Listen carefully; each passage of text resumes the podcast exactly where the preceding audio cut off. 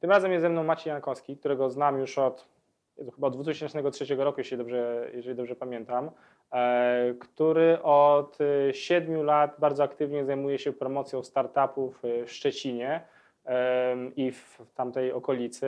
Organizuje wiele eventów, o których dam mu samemu powiedzieć.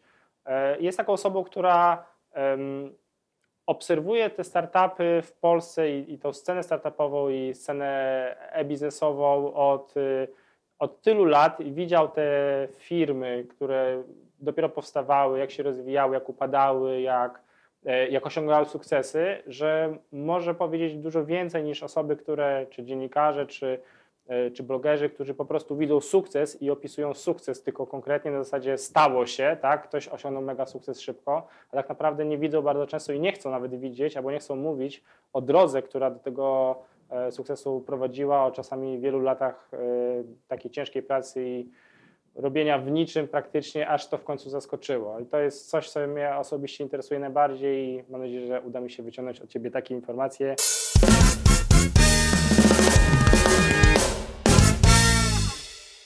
No ale skupmy się powiedzmy na Europie, bo to jest coś, co nam bliskiego. Tak? Kulturowo jesteśmy w stanie jakby z nimi e, wyjść gdzieś jak tutaj musi być budowany startup czy, czy biznes, y, żeby mógł rzeczywiście się udać z takich przykładów, które obserwowałeś? Mhm.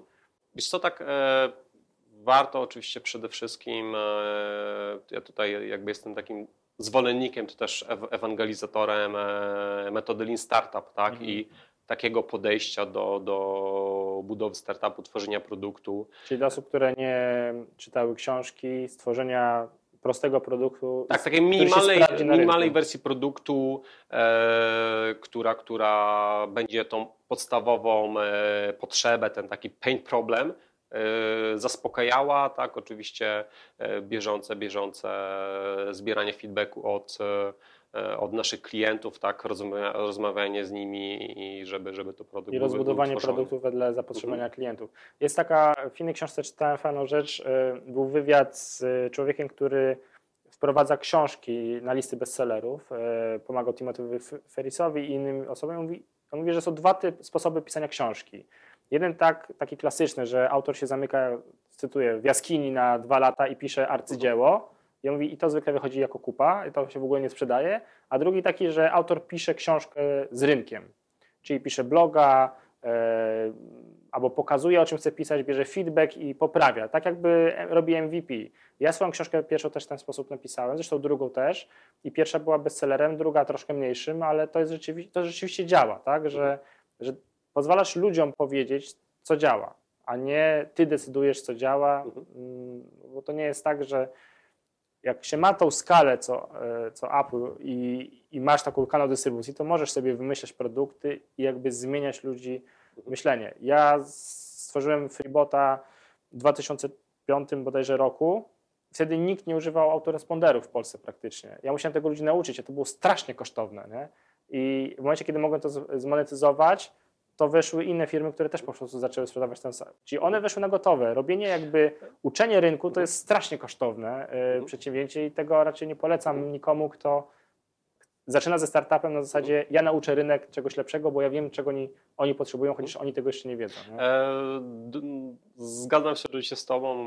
Zresztą jest też takie powiedzenie, że e, innowatorzy umierają młodo, tak? Czyli, czyli też e, powiedzmy takie, tworząc startup, tak, e, właśnie, o ile oczywiście nie mamy odpowiedniego, nie wiem, zaplecza finansowego, e, czasem po prostu nie warto, nie wiem, na siłę szukać tej innowacji, tak, e, tylko bardziej zobaczyć, czy dany problem, który możemy rozwiązać lepiej, na przykład niż obecna na na rynku konkurencja, czy, czy znaleźć, znaleźć dla siebie odpowiednią niszę, pewien jakby segment, segment klientów i e, skupić się na nim.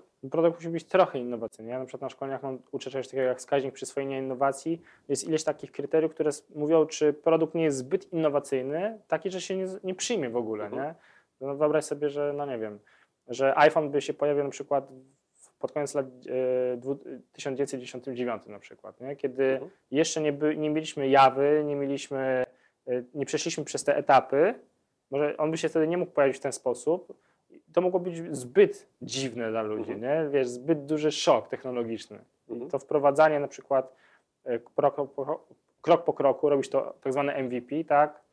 I coś tam zmieniasz. Robisz na przykład jedną rzecz troszkę szybciej albo troszkę lepiej. I ludzie mówią, o, to jest fajne, nie? Mhm. To jest proste, ja to rozumiem, ja to znam, to jest trochę lepsze od tego, co ja znam, nie? I wtedy ludzie wchodzą i można wtedy ich rzeczywiście coraz bardziej uczyć większy, znaczy dawać im coraz większą innowację. nie? Jasne, jest to dobre podejście, natomiast też w kontekście innowacji e, warto tutaj wspomnieć e, o, o metodzie Blue Ocean Strategy, tak? Mhm. czyli taka metoda błękitnego oceanu, gdzie e, w startupach może ona nie jest tak aż powszechnie stosowana, bardziej, bardziej w przypadku tworzenia nowych produktów, czy w przypadku Mhm. większych firm, natomiast zamiast, e, zamiast się bić z konkurencją, walczyć wśród stadu rekinów, tak, właśnie w tym tak Mhm. zwanym czerwonym oceanie. E, Jeżeli sobie zidentyfikujemy pewne, pewne elementy, tak, pewne obszary, gdzie, gdzie te konkurencyjne produkty zaspokajają wartości, możemy też wykreować, czy tak spozycjonować na, nasz produkt, sk- skupiając się zupełnie na innych cechach, tak, e, innych wartościach. Zmienić i- zasady gry po prostu. tak, właśnie zmienić zasady gry i, i zrobić, zrobić tak zwany, tak zwany w startupa to się, się, to się nazywa e, disrupt, tak? Czyli, Mhm. czyli zmiana takiego status quo, tak? który na przykład w, nie wiem, w pewnym obszarze rynku panuje.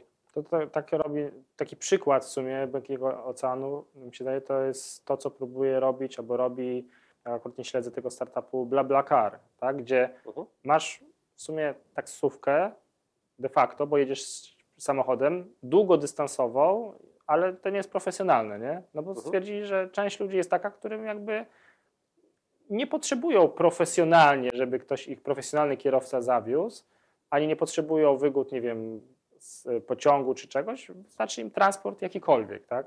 No dokładnie, zresztą to też się wpisuje w taki jakby szerszy trend, e, tak zwany sharing economy, economy taka Mhm. ekonomia właśnie współdzielenia zasobów, gdzie też coraz częściej e, młodzi ludzie e, już nie ma jakby o ile, o ile w, w poprzednich latach, tak, gdzie nie wiem, zwłaszcza po, po jakby zmianie systemowej, tak, bo było taka chęć posiadania, gromadzenia pewnych zasobów, trzymania, to teraz, teraz coraz częściej młodzi ludzie po prostu e, nie czują potrzeby tak, posiadania czegoś na stałe.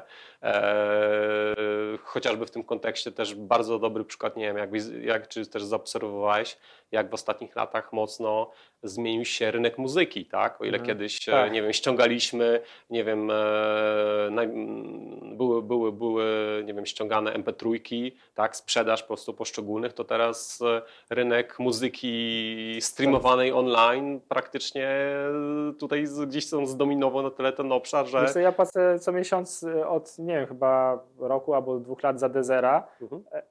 A czy słucham tam cały czas jednego albumu, albo tam może, nie wiem, trzech albumów, Mhm. nie? I teraz sobie myślę, kurde, ale na przez to, że jeszcze nawet je kupiłem e, wcześniej na iTunesie, więc mam te albumy, w sumie nie muszę płacić za tą usługę, ale czasami, wiesz, chcesz coś posłuchać, jakiś nowy album i tak raz na miesiąc coś posłucham nowego, a tak to słucham zwykle tej samej muzyki. I to, jest, i z- właśnie to jest taka zmiana, nie? że już nie Mhm. potrzebujesz tego posiadać, wystarczy, że masz do tego dostęp. Nie? No dokładnie, zwłaszcza właśnie z, też, też jak zobaczysz na upowszechnienie, czy też spadek cen internetu mobilnego, ile, ile kiedy, kiedyś niby, niby był ten internet, ten był w smartfonach, ale często właśnie ludzie, którzy gdzieś kupowali swojego pierwszego smartfona, to tylko od razu w salonie prosili, żeby gdzieś tam zablokować ten internet, Tak. bo tam nabije rachunki, takie pojęcie, że jednak, jednak ten internet w, w, w telefonie jest drogi, a w tym momencie jak często po prostu masz standardowo w abonamencie pakiet, żeby swobodnie z tego korzystać. No i to jakby też zmienia przyzwyczajenie i pozwala na, na zmianę pewnych modeli biznesowych. Tak? Myślę, że jedną z najważniejszych zmian w ogóle w takich e, na świecie,